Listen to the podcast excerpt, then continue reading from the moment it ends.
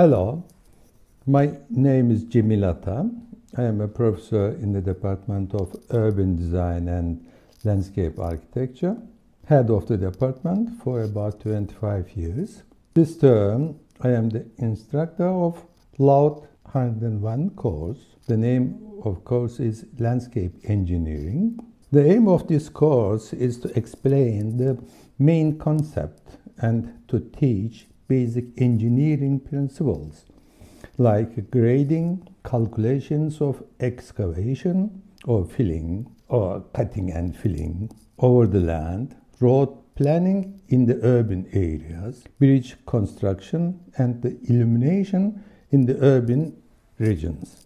The subjects of this course identifying and planning of spaces, drawing contour lines of the area, and mapping, identifying the area by contour lines and different topographic forms, the explanation of hills and halls, valleys, flattened areas, streams, ridges, concave and convex areas, straight slopes, steep or too steep slopes, cross section of the topography, drawing techniques of cross section, grading by cutting, grading by filling, grading by cutting and filling, grading by retaining walls.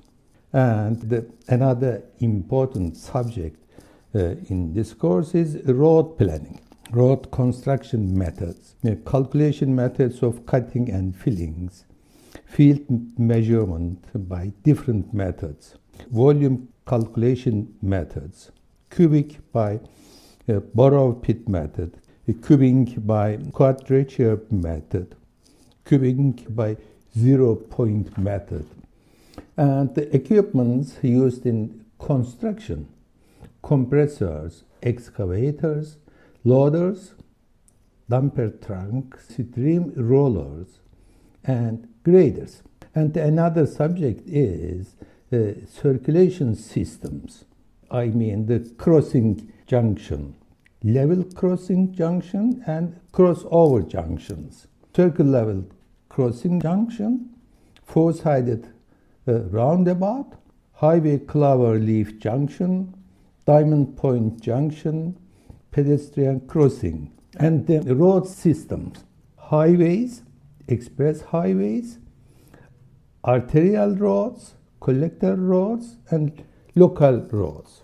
And uh, another important uh, subject, uh, landscape architecture, is retaining walls, elastic retaining walls, hard retaining walls, dry stone wall, mortar stone wall, concrete walls, cribbing walls, green retaining walls, and of course, uh, many details of these subjects. I hope to see you in my class. Bye.